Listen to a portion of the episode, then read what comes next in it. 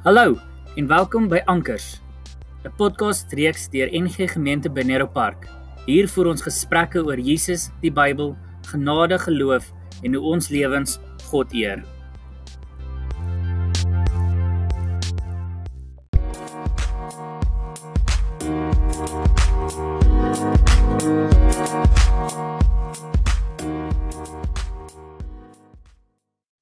Goeiemôre.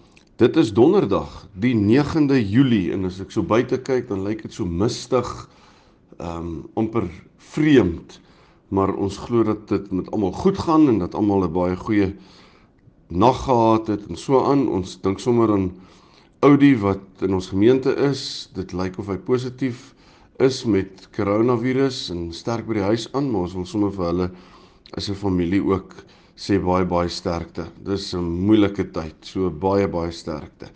Ons lees ver oggend uit Handelinge 2 uit. En onthou Handelinge gaan oor die handelinge van die apostels, die optrede van die apostels en die vroeë Christelike kerk, die eerste geslag Christene. Ek kan nie anders toe ek Handelinge 2 lees om dit te vergelyk met die goed wat Paulus geskryf het nie. In Paulus se briewe en onthou hy skryf later, hy het hier van 80 90 geskryf na Christus, het ons gesien hy waarsku baie teen dwaallering. Pasop vir daardie honde skryf hy op 'n plek.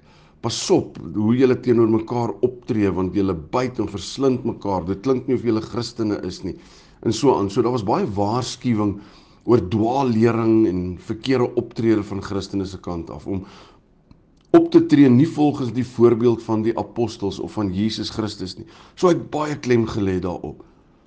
Hier lees ons wat Lukas skryf in Handelinge en hy vertel van hierdie wonderlike goed wat die Christene gedoen het. Die eerste klomp Christene, die eerste geslag Christene, die vroeë kerk, hoe hulle teenoor mekaar opgetree het. En toe ek dit lees, toe dink ek maar dis waar ons moet wees.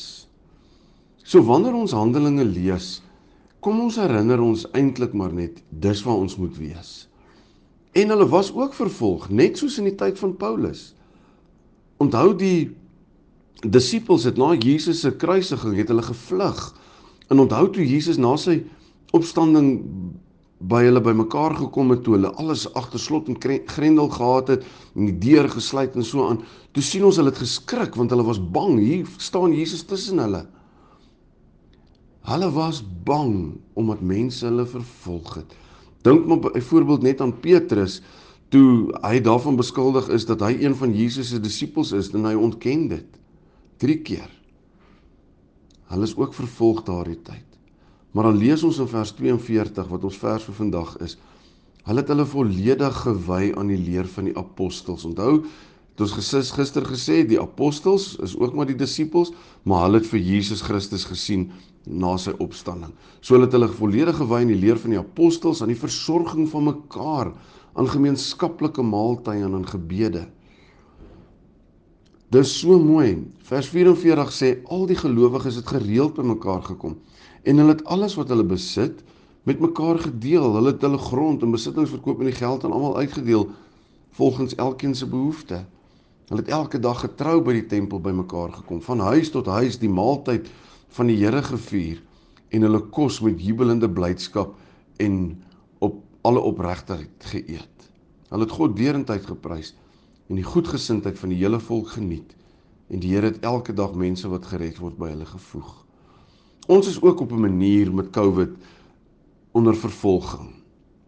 Ons word in ons huise ingedwing, mag nie ons huise verlaat omtrent nie en so aan. Maar dit mag nooit ons ingesteldheid in ons verhouding met mekaar en ons verhouding met God beïnvloed nie. Dit mag dit nooit sleg maak nie. So ons moet nog gereeld elke dag met mekaar kontak hê. Um omsien na mekaar. Kyk dat almal versorg is, want dis wat hierdie ouens gedoen het. Hulle het nou net hulle goed verkoop om te sorg dat almal uitgesorteer is en so aan, maar ons is nog steeds verantwoordelik vir die versorging van mekaar. So kom ons doen dit. Kom ons aanvaar verantwoordelikheid om vir mekaar te versorg soos wat die vroeë kerk dit gedoen het.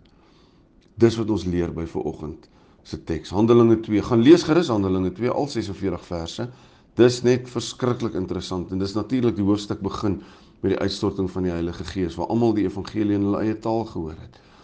Ehm um, ek het al 'n vertaling gelees wat sê hulle dit in Afrikaans en Zulu en Nederlands en Duits en Engels en so aan het hulle dit gehoor net om te wys dat elkeen wat daar was dit in hulle eie taal gehoor het al het hulle van verskillende lande afgekom. Dat dit deel van die gawe is. En onthou ons het gesê dat jy sal krag ontvang om die evangelie te verkondig en dit het gebeur.